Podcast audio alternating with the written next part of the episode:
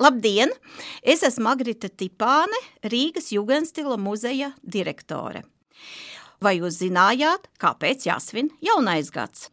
Svinēšanas tradīcija ir ļoti sena, un vissenākās jaungada svinēšanas tradīcijas ir saistītas ar divupes kultūru, ar Mezopotāmijas kultūru, bet jauno gadu tad svinēja martā, un Babilonā tie bija vieni no lielākajiem gada svētkiem, kas tika svinēti veselas 12 dienas.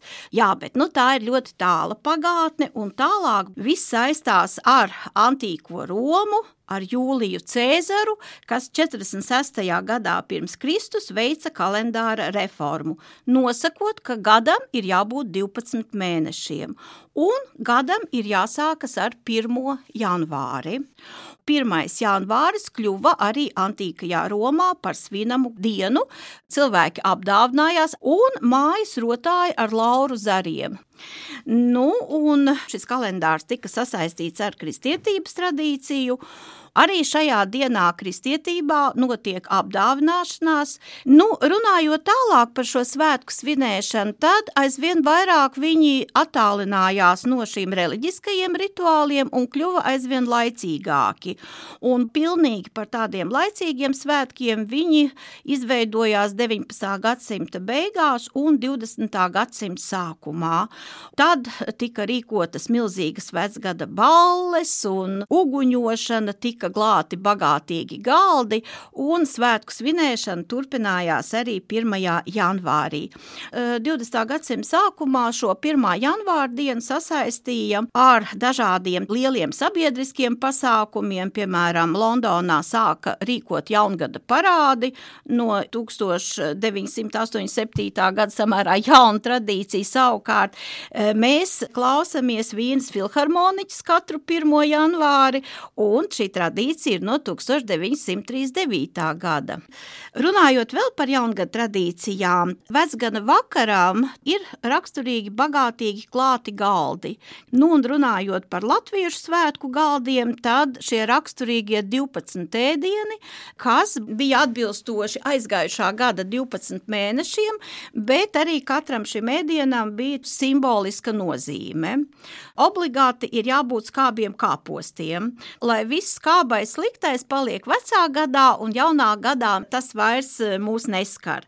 Tradicionālie zirņi, protams, mēs zinām, ka tās ir asaras, bet visi zirņi ir jāpēd vakarā.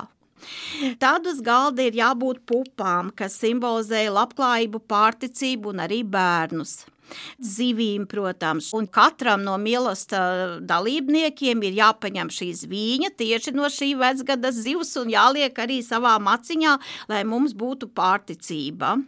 E, tad āboli, kas simbolizē skaistumu, bietes, karstas asinis, dzērvenes, sārti, vaigi, rutki, laba veselība, protams, sūkas, ribiņas un šņukurs, e, spēks un laime, un jādzer zāļu tējas, jo zāļu tējas viņu smarža atbaida visus ļaunos spēkus, un ar šo ļauno spēku aizbaidīšanu būtībā ir saistīta svētku uguņošanas tradīcija. Arī šī tradīcija ir meklējama senos laikos, un tad, kad nebija iespējams rīkot šos greznos salūtus, tad cilvēki vienkārši šajā naktī taisīja dažādus trokšņus, sita bungas un sadzīves priekšmetus, un arī tas simbolizēja, ka nu, no mājas viss ļaunais tiek patriekts. Tad, runājot vēl par tradīcijām, vecgada vakarā vajag dziedāt, dancot, un tad mums visiem labi klāsies arī nākamajā gadā. Nu, un vēl viena svarīga lieta. Vecgada vakarā mēs tomēr cenšamies uzvilkt svētku drānas. Un arī šī ir ļoti sena tradīcija, un svētku drāna nozīme ir tāda, ka šīs drānas pasargā no visa tā, kas ir nu, netik labs un ļauns. Vēl viena interesanta lieta ir apakšveļa. Daudzām tautām ir tā, ka arī jāvelk ir jauna apakšveļa, kas pasargā mūsu, mūsu ķermeni, bet liela nozīme ir krāsai, piemēram, sarkanā krāsa dāmām sarkanā krāsa simbolizē mīlestības piepildījumu, bet daudzām tautām tā ir arī pārticības simbols. Tas simbolizē naudas pieplūdumu.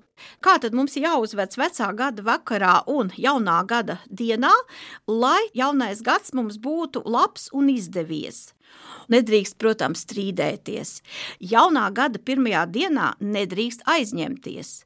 Vajag labi ēst, priecāties, skaitīt naudu, jo tad būs daudz tās naudas un būs bagāts jaunais gads. Un, ja plīs trauki, tie plīs tikai uz laimi. Labu jums vecgada vakaru un laimīgu jauno gadu!